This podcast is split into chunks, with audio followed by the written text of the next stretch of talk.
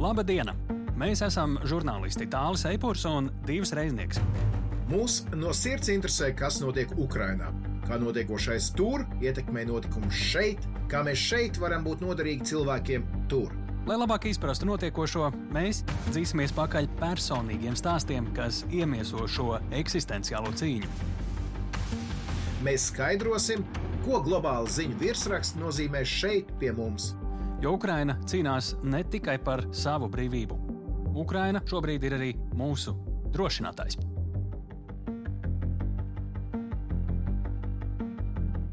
Sveiki, sveiki visiem! Sveiki, klausītāji! Sveiki, stāli! Sveiki, sakām arī divam reizniekam. Šis ir podkāsts, podkāsta otrais pieejams, otrā epizode. Joprojām esam jauni. Ja nu tu tā saki, tad jā. jā. Par ko šodien mūsu raidierakstā? Centrālais stāsts pavisam noteikti būs saruna ar cilvēku, kurš pats ir bijis iebrucēju gūstā, Krievu karaspēku gūstā vai arī šo separātistu gūstā. To tad arī uzzināsim ierakstu laikā. Ļoti tāds skaudrs stāsts par to, ko tas īsti nozīmē realitātē. Tieši tā, sadzinām rokā Ukrāņu vīru, kurš 88 dienas bijis gūstā. Tā skaitā ticis spīdzināts, bet gal galā veiksmīgi ticis atbrīvots. Uh, par ko vēl? Nu, vēl mums uh, šīs nedēļas aktualitāte, ko mēs izvērsīsim un arī izskaidrosim nedaudz plašāk, ir uh, Nobela miera prēmija. Ir paziņota tās saņēmēji. Jā, trīs lieliskas organizācijas pašas par sevi, bet nav izticis bez ļoti dažādiem viedokļiem. Un viss karstākie viedokļi par šo ir tieši Ukrainā. Un, jā, mēs izstāstīsim, kur tad ir problēma un mēģināsim to saprast. Tieši tā, bet sāksim ar sarunu ar mūsu pastāvīgo drošības eksperti Kristīnu Bērziņu Amerikā. Jā, ar Kristīnu katru nedēļu trīs svarīgi temati. Viens vispār svarīgs, ko visi ir visticamāk nedēļas laikā pamanījuši, un tad kāds pārītis, kuri ir nu, varbūt ir mazāk novērtēti, bet kaut vai tuvākajā nākotnē var izšķirt ļoti daudz. Nu, ko, laiks uh, sazināties ar Kristīnu. Sveiki, Kristīna! Sveiki! Sveiki arī no manis! Nu, ko, šī nedēļa atkal ir atnesusi visai tādus iespaidīgus pavērsienus kara ritējumā, gan tādus it kā labus, gan diemžēl arī traģiskus, un tie liek uzdot jautājumus un arī meklēt atbildes. Un tas, ko mēs ar tevi, Kristīna, katru nedēļu darīsim, un arī tagad darīsim, ir koncentrēsim uzmanību mūsuprāt un tavuprāt uz trim zīmīgākajiem notikumiem vai faktiem, nu, mēģinot arī paskatīties uz tiem no tādiem mazāk dzirdētiem, bet ne mazāk svarīgiem leņķiem. Un sākumā īsi, vai mēs esam vienprātīgi par tematu numur viens - Krīmas tilts un tam sekojošie Krievijas triecieni. Protams, tie ir arī svarīgākie notikumi kara darbībā, un ņemot vērā, ka ir arī daudz dzīvību zaudētas Ukrainā attiecībā uz šo pretuzbrukumu no Krievijas, tad par to arī ir jārunā pirmajā vietā. Nu, tas, ko es gribu saprast, kā tad tulkot eh, šādu Krievijas teroru, tā ir tāda burtiska atriebība par Krimas tiltu vai varbūt eh, kāds slēptāks aprēķins. Vai arī ir pazīmes, kas liecina, ka tāds triecienu vilnis būtu sagaidāms tā vai tā, un gal galā kādu atbalstu tas varētu atstāt pasaulē un kādu iespaidu uz Ukraiņiem. Es te saliku veselu rindu jautājumu, bet sākam ar to mēģinam skaidrot to, kā šobrīd rīkojas Krievija. Krievija ar saviem uzbrukumiem pēc tilta sprādziena. Tie ir uzbrukumi, kas ir Kijevai un citām lielajām pilsētām, pat Ļivijai Harkivai. Krievija izrāda to, ka tā ir spējīga vēl joprojām terorizēt Ukrainas sabiedrību un slepkavot cilvēkus pat tagad jau ilgāku laiku mierīgajās Ukrainas rietumpilsētās. Tam sakars arī ar tilta sprādzienu, uzbrukuma tiltam, un, protams, tas tilta projekts ir ļoti svarīgs prezidentam Putinam, simboliski savienot Krīmu ar Krievijas sauszemi bet Krievija visu laiku ir spējīga bombardēt Ukrainas pilsētas. Un šis uzbrukums, pretuzbrukums vai vienkārši uzbrukums ir svarīgs tādēļ, ka tas turpina iebiedēt Ukrainas cilvēkus. Tas, ka tagad kaut kā tās kaujas veiksmes austrumos, nenozīmē to, ka Krievija ir bezspēcīga. Un tas atgādina tikai Ukrainas cilvēkiem to, Krieviju nevajag vēl norakstīt militārajos jautājumos. Ja nevar ar tankiem un ar karavīriem, tad vēl joprojām var varbūt ar uzlidojumiem veikt drausmīgas katastrofas. Bet tas ir Krievijas vēstījums, vai tas būtu jau secinājums arī mums? Man liekas, ka tas ir tāds. Krievija grib ar pārsteigumu efektu neļaut relaksēties ne Ukraiņiem, ne mums. Jā, tas ir secinājums, tajā pašā laikā tā ir pastāvīga stratēģija no Krievijas puses. Tas nozīmē, ka jā, ir saistīts un arī smuki izskatās no Krievijas viedokļa, un Krievijas tauta, kā apsties redz, ka visticamāk Ukraiņi uzpazināja tiltu, un tad Krievi tagad uh, uzlid, veic uzlidojumus pret Ukraiņas pilsētām tā kā atriebība. Bet to jebkurā brīdī var darīt. Tur nevajag tiltu vai kaut ko citu spridzināt, lai izraisītu tādu reakciju. Krievija jebkurā laikā ir spējīga tādā veidā uzbrukt Ukrainai. Kādas sekas pasaules attieksmei pret notiekošo varētu būt šiem Krievijas brutālajiem triecieniem? Ka vēl joprojām par Krieviju un Krievijas militārām spējām ir jāiesprikst.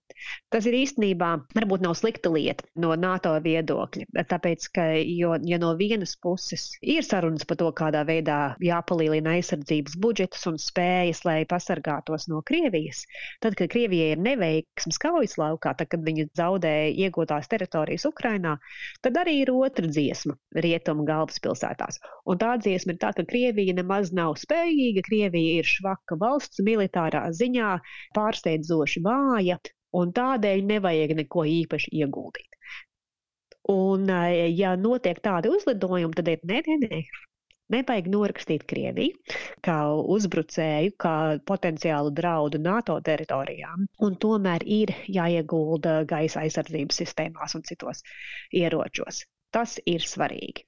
Un pirmos signālus mēs jau redzam gan no Vācijas, gan līdzīgi. Un, uh, manuprāt, uh, nu, kaut kādā ziņā, lai cik tas traģiski arī nebūtu, tas varbūt arī ir labi Latvijai, ka rietumi tiek uzturēti tādā tonusā kaut kādā ziņā un neatslāpst. Par šo tēmu pavisam skaidrs ir, ka Ukrāņiem gan tas uh, iedod tikai papildu stimulu pretoties vēl sīvāk un uh, vēl mērķiecīgāk, bet tas jau ir vēl cits stāsts, uh, par to pat šaubu nav. Bet uh, šajā kontekstā, redzot, ka cilvēki turpina mirt. Jā, bet nu, tu reāli to redz. Sociālajā mēdījos parādās Twitterī. Māma Ukrainā daktere aizveda bērnu, atstāja bērnu dārzā, iekāpa mašīnā, brauc uz darbu, uz slimnīcu un nomirst, jo notiek sprādziens, ir uzbrukums bērns paliek bez vecākiem, jo tēvs jau bija pirms sešiem mēnešiem miris. No vienas puses tā izklausās tā kā statistika.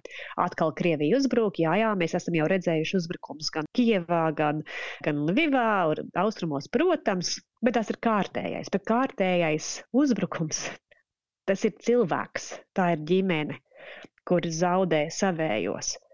Un ir ārkārtīgi svarīgi tomēr atcerēties, ka tas nav kaut kur tālu, un tie nav abstrakti cilvēki. Tie nav tikai skaitļi tās ir ģimenes, tā ir sabiedrība, tas ir kaut kas īsts. Tas tā ir. Mirst, diemžēl, Ukrainā šobrīd cilvēki tūkstošiem, ja ieskaita arī karavīrus abās pusēs, tā skaitā. Un to ļoti veikli izmanto arī tie, kuri saka, varbūt ir jāievieš pamieris, ko Ukraina nekādi šobrīd nevarētu saprast. Noklausīsimies vienu citātu no bijušā ASV prezidenta Donalda Trumpa. Ukraine with potentially hundreds of thousands of people dying, we must demand the immediate negotiation of a peaceful end to the war in Ukraine, or we will end up in World War III and there will be nothing left of our planet, all because stupid people didn't have a clue what they're dealing with, the power of nuclear. They have no idea what they're doing. Tātad Trumps piesauc potenciāli un jau zaudētas dzīvības, saka, ar steigu vajadzīgs pamieris un biedē ar trešo pasaules karu, kodolu karu. Un te mēs nonākam pie mūsu otrā lielā temata. Tas, ko e, tu pētniecis gaitās esi identificējusi, ka ar vienu pieaugs spiediens Ukrainai noslēgt pamieru ar Krieviju. No kurienes savu kājas šim spiedienam un eh, kādas būtu sekas, ja tas tiešām notiktu? Spiediens eh, sarunāt pamieru nāk no dažādām pusēm. Dzirdējām arī no prezidenta Trumpa, bijušā prezidenta Trumpa, ka būtu jāslēdz pamieru tajā pašā laikā prezidents Baidens arī ir izteicis to, ka ņemot vērā kodolieroču pielietojumu draudus, būtu arī jādomā, kā tagad prezidentam Putinam piedāvāt variantu iziet no situācijas. Off-ramp, nobrauciens no kara ceļa tas, ka prezidents Baidens arī par to jau sabiedriskā telpā runā, nozīmē, ka noteikti arī tad diplomātiskajos ceļos ir sarunas par to, cik ilgi turpināt un kā atrast pareizo līdzsvaru starp tagad Ukrainas pretuzbrukumiem un, un teritorijas atgūšanas veiksmēm un lielākiem kodolieroču un trešā pasaules kara bailēm. Nāk tātad no, no Amerikas stūriem, tādi jautājumi, bet arī no citām pusēm dzird no privātā sektora Ilāns Masks. Uzņēmējs, kosmosa lidotājs ir izteicis tieši jautājumu Twitterī un, un plašākā sabiedrībā par to, vai nebūtu tagad jāuzstājas īstu referendumu Donbasā un jā, jānovelk svītru un, un miers. Par to, protams, prezidents Zelenskis Ukrainā ļoti negatīvi izteicās, un Twitter ļaudis arī īpaši nepiekrita tādam slēdzienam, bet Rumānijas aizsardzības ministrs un pat tagad pēdējā laikā Turcijas prezidents Erdogans arī ir izteicies, ka tagad pirms sarunām ar Putinu, kuras būs divpusējās starp Turciju un Krieviju, vai nevarētu arī tagad izskatīt pamiera scenārijus par to tad pieaug spiediens Ukrainai. Tā pašā laikā, skatoties uz Ukraiņu sacīto dažādu amatpersonu un arī vienkārši cilvēku, tas liekas neiespējami. Tas pavisam noteikti ir neiespējami no Ukrainas viedokļa. Tāpēc, ka, ko tas nozīmētu? Tas nozīmē, ka tagad, tad, kad Ukrainas armija gūst panākumus kaujas laukā, tieši šajā brīdī būtu jāaptur kara darbību, ja noslēgtu pamieru. Tas nozīmē, ka tagad inerci būtu jāaptur, Krievija spētu atgūties, un tad arī jautājums, kādēļ noturētu pašreizējo kaujas līniju nākotnē, ko tas tad nozīmē NATO drošībai. Pamiers, tas strādātu tikai tad, ja pēkšņi Krievija nolēmtu, ka tā nevēlas impēriju, ka tā sarausies vai noturēsies šīs dienas robežās, bet nav neviena iemesla domāt, ka tā arī būs nākotnē. Un tāpēc pamieris tā ir tāda dažu lielu valstu vadītāju ilūzija, ka, ja pat ja būtu pamieris, tas tiešām būtu pamieris. Krievija vēl nav zaudējusi. Un bez zaudēšanas nav iemesla domāt, kādēļ Krievija noturētos savā pašreizējā teritorijā. Līdz ar to Es pieļauju, ka tie ir pietiekami viedi vīri, vai vismaz ar labiem padomniekiem. Erdogans, Baidens, turpat Rumānija blakus esošā visu lieliski redz. Kāpēc šādi signāli, zinot, cik tas ir nereāli? Pieļauju, ka viņi zina. Vēlās varbūt būt optimistiski par to, ka karš varētu arī kaut kad noslēgties. Tomēr sabiedrības arī ir satraukušās par kodolieroču draudu.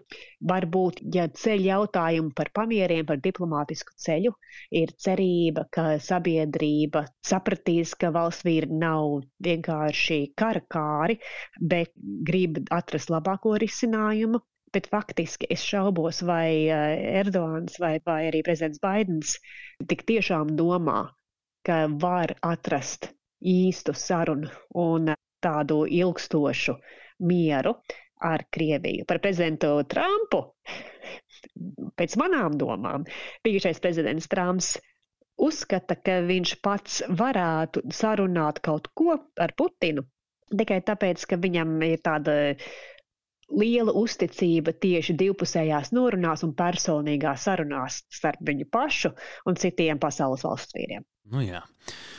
Nu, ko, un viena lieta, kas mums izriet no iepriekšējā temata, un šis ir mūsu trešais temats, es sākšu ar nelielu atsaukšanos ar vienu bēgli tepat Latvijā no Ukrainas un uz jautājumu, vai un kad viņa domā atgriezties mājās, jo ļoti grib atgriezties mājās. Viņa atbildēja, daudzi bēgļi gaida ASV kongresa vēlēšanas. Ja nemaldos, novembrī tās ir. Ja?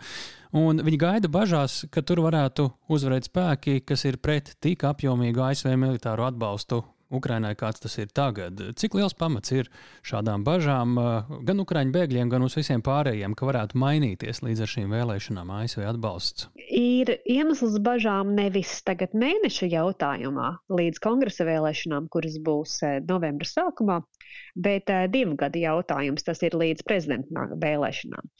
Ja skatās, kāds ir kongresa sastāvs pašlaik un kā tas varētu būt pēc vēlēšanām, tie, kas atbalsta Ukrainu, tie, kas atbalsta NATO, būs vienalga pie varas. Šobrīd tie, kuri uzskata, ka Amerikai būtu jāieņem vairāk izolācijas politiku un jāturās prom no pasaules kariem un no konfliktiem, tie ir mazumā. Īpaši ļoti nozīmīgajā senātā. Tās balsis ir ļoti lielā uh, mazākumā, bet uh, apakšējā palātā tās nedaudz pieaug.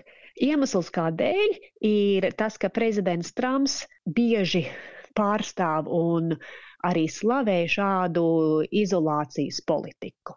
Tie kandidāti, kuri vēlās kļūt par kongresmeņiem, ja tie vēlās saņemt prezidenta Trumpa atbalstu mēdījos un citu republikāņu vēlētāju aprindās, tie sāk izpaust tieši tādas izolācijas politikas pret Ukrainu savā ziņā nostājas. Bet realitāte bieži ievirza viņus tomēr tādā sakarīgākā, normālākā Eiropas drošības virzienā. Tas ir tādēļ, ka tomēr katrā pavalstī Amerikā ir arī cilvēki, kuri atbalsta Eiropas drošību, NATO un Ukrainu.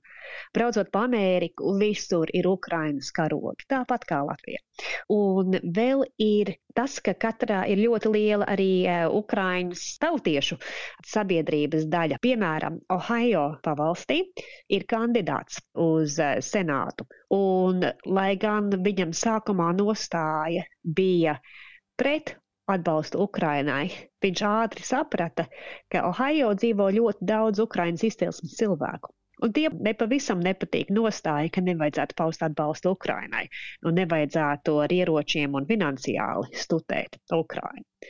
Tādēļ arī viņam bija drusku jāpamaina politiku, tā lai neatbaidītu, neatgrūstu to sabiedrības daļu. Man liekas, tad īstermiņā, ja skatās mēnesi vai gadu uz priekšu, nav iemesla uztraukumam. Bet, ja prezidents Trumps atgrieztos 24. gadā, būtu grūtāk paredzēt. Tāpēc, ka prezidents Trumps uzskata, ka viņš personīgā ceļā var pagrozīt pasaules notikumus, un ir grūti pateikt, kādā veidā mainītos Amerikas politika. Katrā ziņā tā kļūtu krietni nestabilāka. Nu, ko, Kristīna, liels paldies par ekspertīzi. Ļoti svarīgi to dzirdēt arī šeit, Latvijā, jo tas neapšaubāmi īsākā vai tuvākā laikā atspoguļojas arī mūsu drošībā. Nu, mēs uh, tiekamies atkal pēc nedēļas un uh, runāsim par jau tādu aktuālo un svarīgo. Paldies! Tev. Paldies jums un uz tikšanos pēc nedēļas! Paldies Kristīnai par uh, ieskatu un skaidrojumu. Tā bija Kristīna Bērziņa, Maršala fonda un nu jau arī mūsu podkāstu drošinātājs eksperte. Nu, ko bija nedaudz tā nomierinoši. Tā būtu jāsaka, to, ko secināja Kristīna attiecībā uz amerikāņu palīdzēšanu vai uh, nepalīdzēšanu. Man prieks, ka viņa, uh, tu varēsi nomierināt savu ukrāņu paziņu šeit, oh, Latvijā, bet tas, uh, manuprāt, ir arī ļoti svarīgi, un to droši vien arī apzinās Ukrāņi, ka šis varētu būt viens no tiem brīžiem, kad būtu labi izdarīt visu, ko var izdarīt ar esošo situāciju, esošiem ieročiem un esošo palīdzību, jo pēc diviem gadiem šis te, uh, palīdzības apjoms varētu krietni sarukt. Varētu. Jo, jo, tra, jo Trumpu mēs nevaram prognozēt. To tik daudz mēs varam prognozēt, ka Trumps nevar prognozēt. Un tas ir mājiens savukārt mums šeit, Eiropā, ka nevienmēr var skatīties kaut kur pāri okeānam uz palīdzīgu brāli. Mums ir krietni aktīvāk jādomā pašiem par savu drošību un ar saviem līdzekļiem un ar savu kārtību un sistēmu. Šis ir mājiens, un mums tas ir jāņem vērā. Nu, es teiktu, ka šajā gadījumā mēs paši sev varam sist uz pleca. Latvija kā valsts, Igaunija. Mēs esam starp diviem lielākajiem atbalstītājiem Ukraiņas. Proporcionāli esam. Jā, proporcionāli esam. Protams, tas ir tātad mājiens veciem rietumiem, kā saka. Bet, nu labi, nomainām tēmu. Vēl viena svarīga ziņa bija Nobela miera prēmijas paziņošana. Kādēļ tā bija interesanta? Šoreiz prēmija tika sadalīta trijām organizācijām viena profila, var teikt, cilvēktiesību aizstāvji Ukrajinā, Baltkrievijā un Krievijā. Vispirms, pirms mēs sākam par šo diskutēt, es pastāstīšu nedaudz, nedaudz sīkāk par katru organizāciju. Tātad Baltkrievijā tur patiesībā konkrētai personai tika piešķirta šī prēmija. Aļasam Beļatskim, kurš dibinājis cilvēktiesību aizsardzības organizāciju Vjasna, jeb ja Pavasaris. Viņš jau kopš 80. gadiem bijis demokrātiskās kustības viens no redzamākajiem dalībniekiem Baltkrievijā. Par savu darbību viņš bija ieslodzīts eh, no 2011. līdz 2014. gadam, un atkal tika iesēdināts pēc 2020. Eh, gada plašajiem protestiem, un bez tiesas sprieduma atrodas ieslodzījumā vēl joprojām. Atceros, ka Viesnatieši bija organizācija, kur apkopoja visaktīvāku informāciju par visiem aizturētajiem un tā tālāk un tā joprojām. Politieslodzītiem, jā. Tieši tā. Krievijā. Krievijā cilvēktiesību aizsardzības centrs memoriāls tika apbalvots. Tas tika izveidots 89. gadā ar mērķi e, saglabāt komunistiskā režīma upuru piemiņu. E, bet pēc PSRS sabrukuma memoriāls kļuva arī par e, lielāko cilvēktiesību aizsardzības organizāciju Krievijā. Īpaši slavens kļuva Čečenijas kara kontekstā. Un Kremlis šo organizāciju likvidēja pagājušajā gadā. Viņi nu patās ir arī uh, tikuši iztiesāti un aizvērti. Un kas tur vēl? Jā. Ļoti nērti cilvēkam Kremlī, kurš pats nāk no drošības iestādēm un kura iestādes noziegumu šis memoriāls arī ir aprakstījis un iemūžinājis. Absolūti. Šīs abas organizācijas ir ļoti, ļoti, ļoti labi zināmas cilvēkiem, kas kaut nedaudz seko brīvības cīņām abās šajās valstīs. Bet nu nonākam līdz Ukrainai. Arī Ukraiņas organizācija tika uh, apbalvota ar uh, Nobela miera prēmiju, un šī organizācija ir Pilsonisko brīvību centrs. Uh, viņi kopš Krievijas iebrukuma ir dokumentējuši Krievijas pastrādātos kara noziegumus Ukrajinā. Organizācija tika izveidota 2007. gadā ar mērķi veicināt cilvēktiesības un demokrātiju Ukrajinā. Proti, viņi ir tie, kas uzskaita fiksētos noziegumus, uh, karnoziegumus, cilvēku nolaupīšanas, nelegālus arestus un tā tālāk un tā joprojām. Tātad visas organizācijas it kā ir labi zināmas, ilgi darbojušās. Vesnā un memoriāli ir uh, viņu šīs konkrētās valsts režīma apspiestas. Pilsonisko brīvību centram savukārt jāstrādā ir kara apstākļos, kas tiek uh, veikts no abu šo pārējo organizāciju bāzes vietām vai pārstāvētajām valstīm. Klau, nu, izskatās viss uh, pamatoti, loģiski. Kur problēma? Ukraiņi to redz. Jā, un tā ir problēma, par ko varbūt šeit mēs Latvijā, vai Nobela komiteja, vai, vai, vai uh, cilvēki rietumos uh, gluži vienkārši neaizdomājas. Piemēram, ļoti respektēts neatkarīgs izdevums Kijavā, Kijava Independent, izdevums angļu valodā, pēc Krievijas iebrukuma 24. februārī guva milzīgu sekotāju pieaugumu un, un sevi nav kompromitējis. Šī izdevuma galvenā redaktore Olga Rudenko mēģina paskaidrot, kur varētu būt problēma. Viņa saka, ka šādi te apbalvojot organizācijas no Baltkrievijas, Krievijas un Ukrainas, varētu tikt turpināts tas narratīvs, uz ko strādā Putins. Proti, ka Krievija un Ukraina Tas ir kaut kas viens. Nelieciet mūs vienā maisā ar Krieviju. Pat ja tas ir šāda te pasākuma kontekstā. Pat ja tur ir mūsu draugi arī. Jā, mums ir mūsu cīņa, mums ir mūsu ceļš, viņiem ir savējais. Un, un, un tas ir kaut kas tāds, droši vien, ko mēs vienkārši nespējam aizdomāties. Tāpat tās, piemēram, kad ziņās šajā nedēļā mēs dzirdējām, lūk, Krievija atbildēja ar šo masīviem raķešu triecieniem pa Ukrainu, atbildēja uz uh, uh, Ukrāņu triecienu Kerčs tiltam.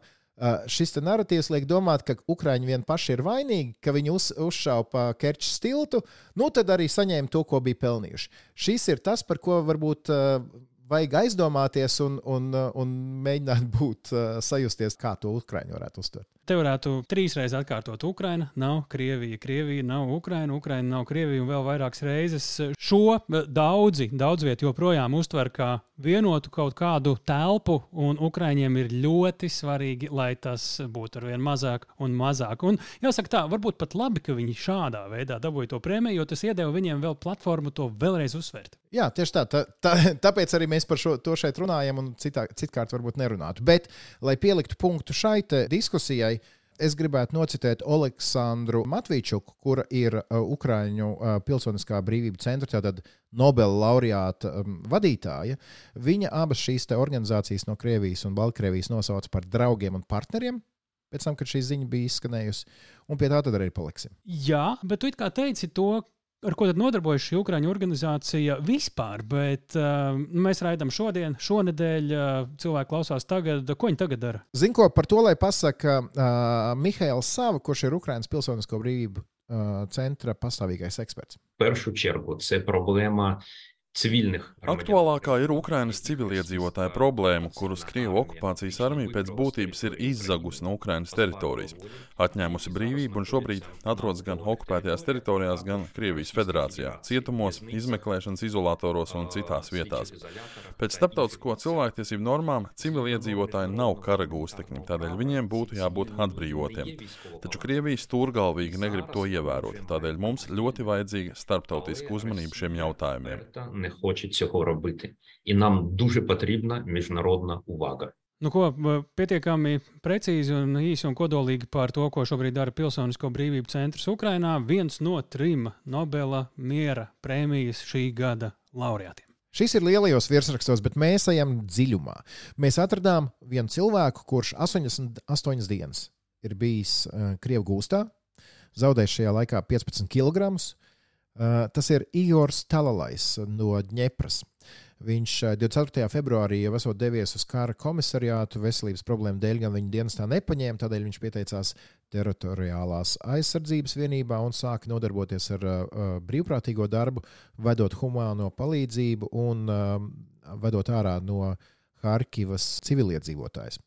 Kā viņš nokļuva gūstā, kas ar viņu notika, kāpēc viņš tur bija un kā viņš tika laukā, par to mūsu sarunā. Nu, lūk, pirms vēl mēs klausāmies šo sarunu, es atgādināšu, ka jūs varat izvēlēties. Tagad jūs viņu dzirdēsiet atkarībā no jūsu izvēles, vai nu oriģinālā valodā, vai nu, kā jau Latvijas radio viens podkāstam ar nosaukumu drošinātais pieklājas ar tulkojumu. Tur, nu, skatieties failu nosaukumā, tur jūs varat tikt pie īstā. Большое спасибо, что согласились на разговор. Если можно, вкратце расскажите про себя. Что вы делали перед 24 февраля?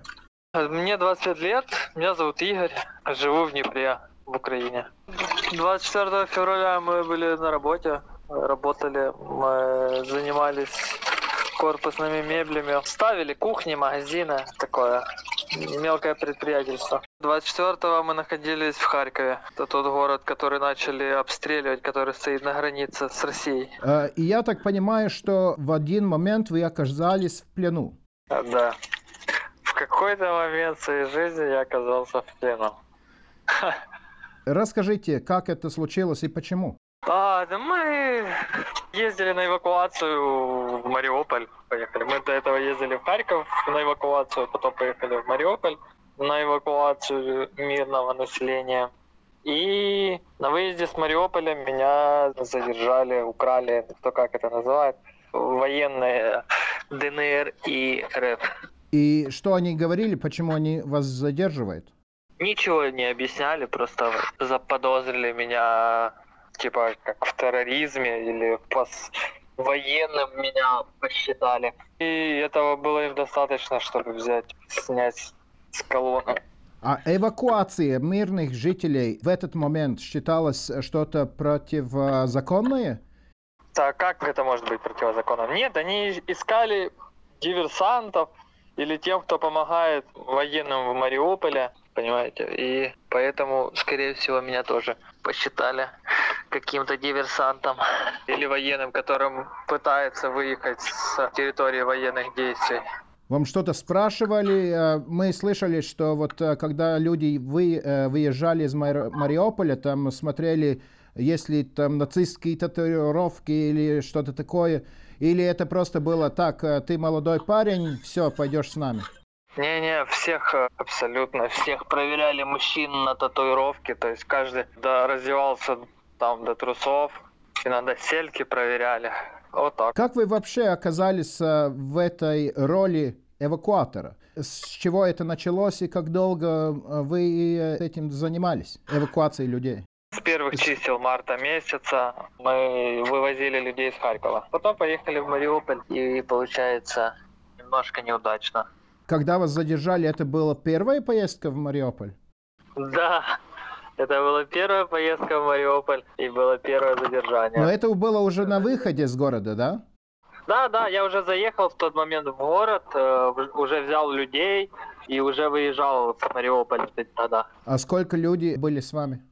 Четыре человека. А как это вообще происходит? Вы заезжаете в город, спрашиваете любого первого встречного, кто хочет выехать, или как это? Ну, как таковой организации не было. Если вы себе представляете, что такое оккупированный город, который в зоне боевых действий, да, то организации как таковой там нет. Заезжали мы туда колонной, Дальше уже ориентируется кто как, как может. Знаете, слава Господи, у нас в Латвии, может быть, только у очень старых людей есть э, воспоминания про оккупированный город. Э, что это значит? Оккупированный город с оккупантами там. Что значит оккупированный город? Это когда вооруженные люди могут тебя расстрелять в любой момент. Тебе может прилететь снаряд в любой момент – ситуацию, которая вокруг тебя, никаким образом. Ты можешь только надеяться на какое-то чудо, что тебя там не разорвет какой-то снаряд. Ну и при этом постоянная угроза со стороны боевиков, попасть под обстрел там, ну, это вообще можно элементарно. Зная все это, почему вы там ехали? Ну, потому что там были, наверное, люди, которые нуждались в этой помощи. Пойдем дальше. Расскажите, что э, произошло, когда вас задержали? Меня сняли с машины, вытащили с машины, отправили э, на типа допрос. После допроса меня закинули в яму, где я ждал, пока за мной потом приехал автобус и забрали меня в райотдел в Мангуш. Что означает в яму? Реально в яму? Ну да, это знаете, в гараже есть ямы, там где машины, и вкинули в яму. И вы э, были там один или там э, больше людей было? Сначала был один, потом подкинули еще троих э, парней. За пару часов, за пять, да, целый автобус. И куда вас отвезли? В местный райотдел сначала. Угу. А потом была тяжелая ночь, где мы в камере стояли всю ночь, потому что не было места, как сесть. И после этого повезли в Докучаевск, Докучаевске примерно те же самые условия были. Как вам было ощущение? Им интересовали ваши ответы или они уже эм, приняли решение, что вы там диверсант, э, там э, военный или, или что такое? Или они там просто брали, сколько мог, можно было собрать? Когда я заезжал в Мариуполь, там один блокпост. И выезжал я тоже через этот блокпост. 5 утра в Мангуше перед выездом в сам Мариуполь я снял видео колонны, в которой э, мы двигались э, в сам Мариуполь до блокпоста. И меня задерживал ДНРовец, тот же самый, который меня впускал в этот Мариуполь, и говорил такие фразы, э, типа, тебя там не было, я тебя не видел, я эту колонну запускал, и твоей машины не было. Я показывал ему видео, что вот я в этой колонне двигался, и в целом мы заезжали все вместе, сказали нет, тебя там не было, ты военный диверсант. Поэтому как-то так. Это было уже решено до того, как меня задержать, наверное. Ну ладно, тогда вас перевезли автобусом в следующий город. Что случилось тогда? Там было ФСБ или какие-то другие серьезные люди, которые вас допрашивали? Или что там было? Не, более серьезные люди были уже в Донецке. Ну как серьезно? Это ну, местные главные власти, понимаете, типа УБОП. Это было уже в Донецке. То есть меня сначала привезли в Докучаевск, я там посидел пару дней, потом забрали в УБОП в Донецке, тогда уже там были допросы, там автобиография рассказывалась, и в целом несколько часов провел на допросе как несколько часов, 9 допрашивали и выпытывали. Что спрашивали? Спрашивали, кого знаю из спецструктур, почему вообще я приехал в Мариуполь, на кого я работаю, какая у меня там структура, подразделение. Я им объяснял, что я волонтер, но люди не особо в это верили.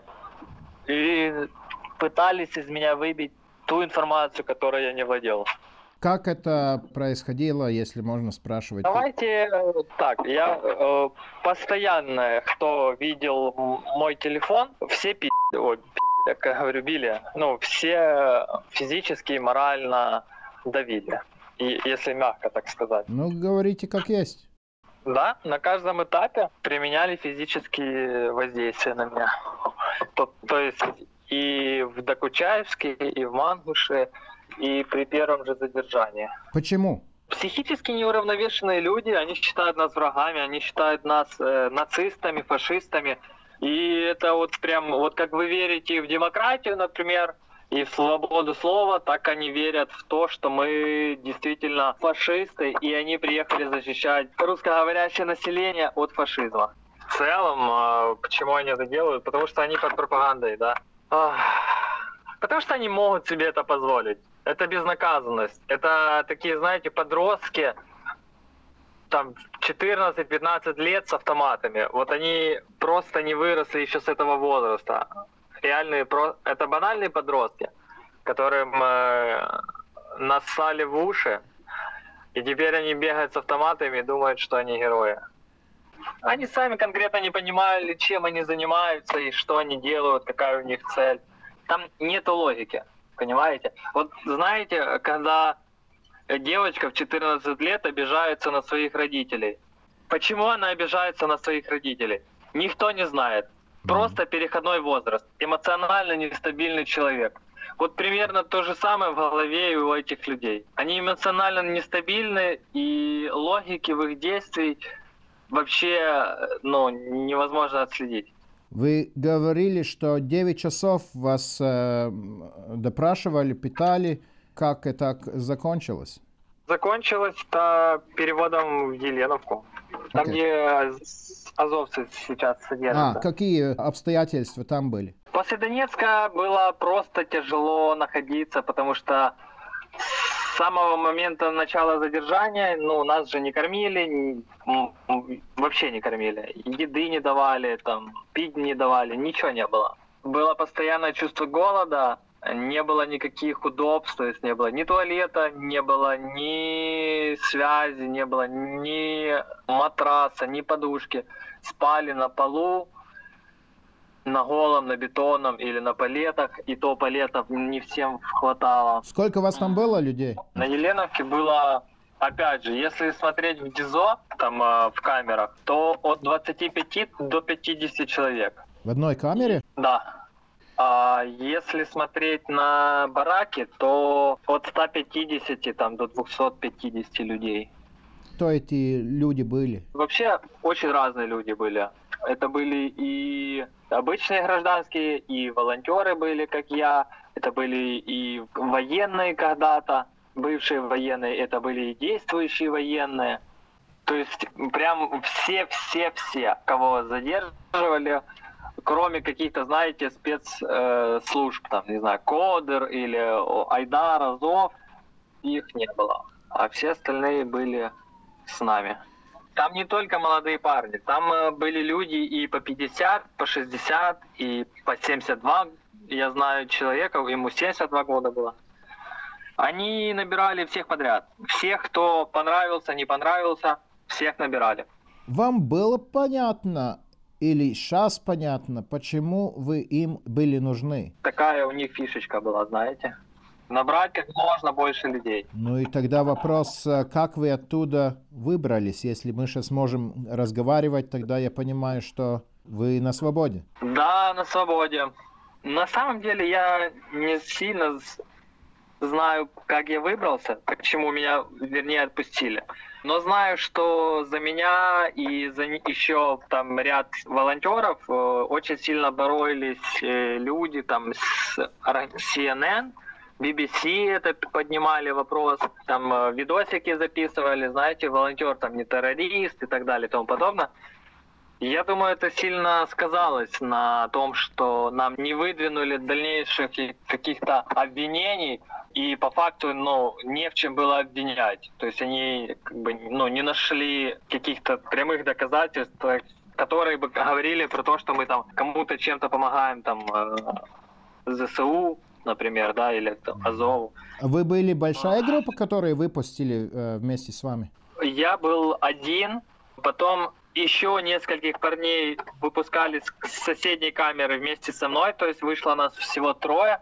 еще через э, несколько дней, то есть там чуть больше недели, отпустили э, еще 19 человек волонтеров. С какими словами прощались с вами? С вещами на выход. И все, да? С вещами на выход. Я еще подумал, эх, на СИЗО поеду. А потом э, поехал не на СИЗО, а пол восьмого вечера меня просто выгнали на улицу и сказали, завтра придешь в УБОП за документы. И так и произошло? Дали документы и пустили потом? Ну, не совсем. Я ж э, не мог прийти на следующий день, потому что у меня не было документов. А целый вечер и ночь без денег и без документов ходить по Донецку такая себе была идея. Поэтому я поехал сразу вечером в Донец, в УБОП, шо, и сидел еще целую ночь э, в камере Донецка в УБОПе. Ждал, пока меня отпустят утром.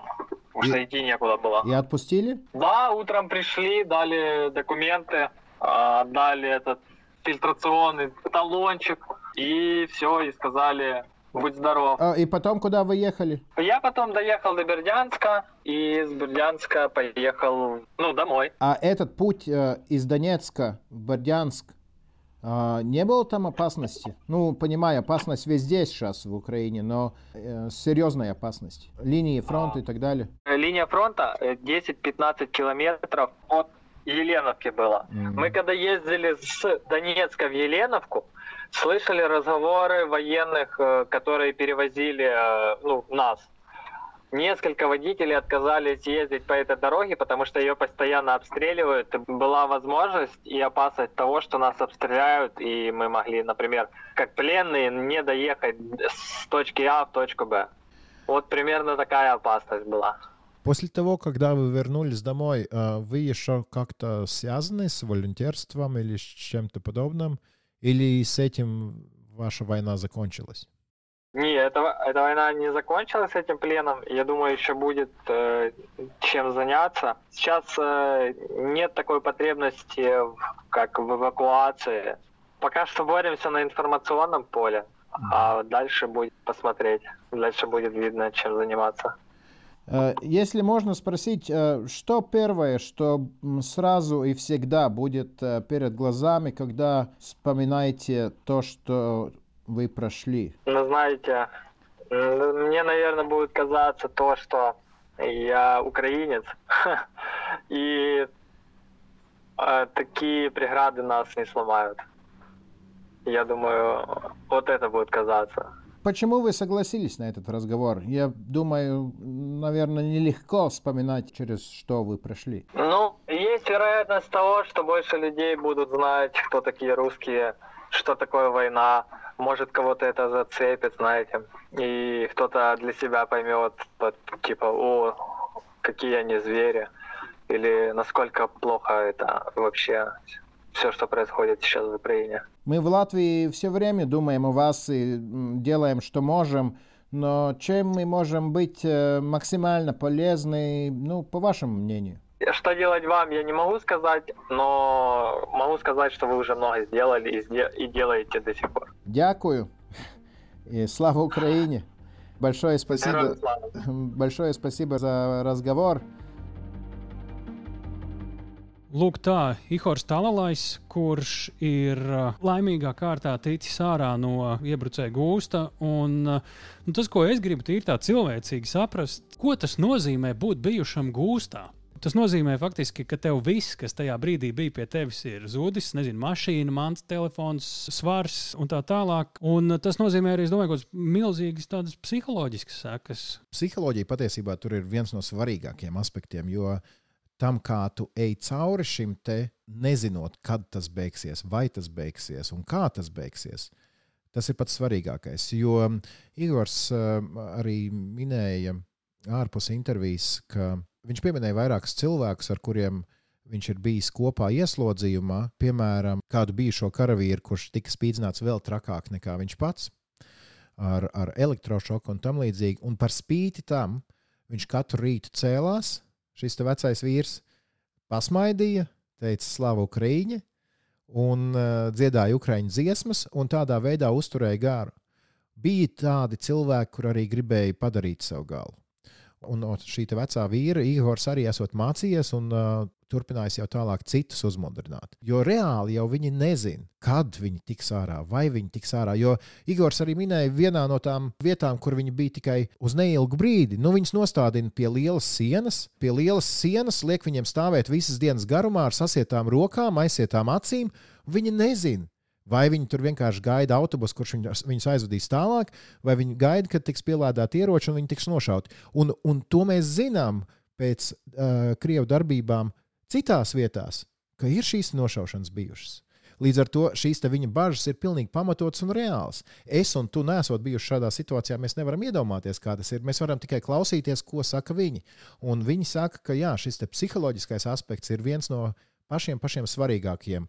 Kā tu pieeji tam, tai situācijai, kādā tu esi nonācis un kur tu nevari kontrolēt. Vai es pareizi dzirdēju? Viņš ir gatavs turpināt. Jā, tas, nu, tā apņēmība viņā ir. Viņš tika vasarā atbrīvots un bija tā teikt, jāatgūst laikam normāls psihoemocionālais un fiziskais līmenis. Bet jā, viņš teica, ka šis karš man nav beidzies. Es esmu gatavs turpināt, tā vai citādi būt noderīgs Ukraiņai. Un, un kas ir svarīgi?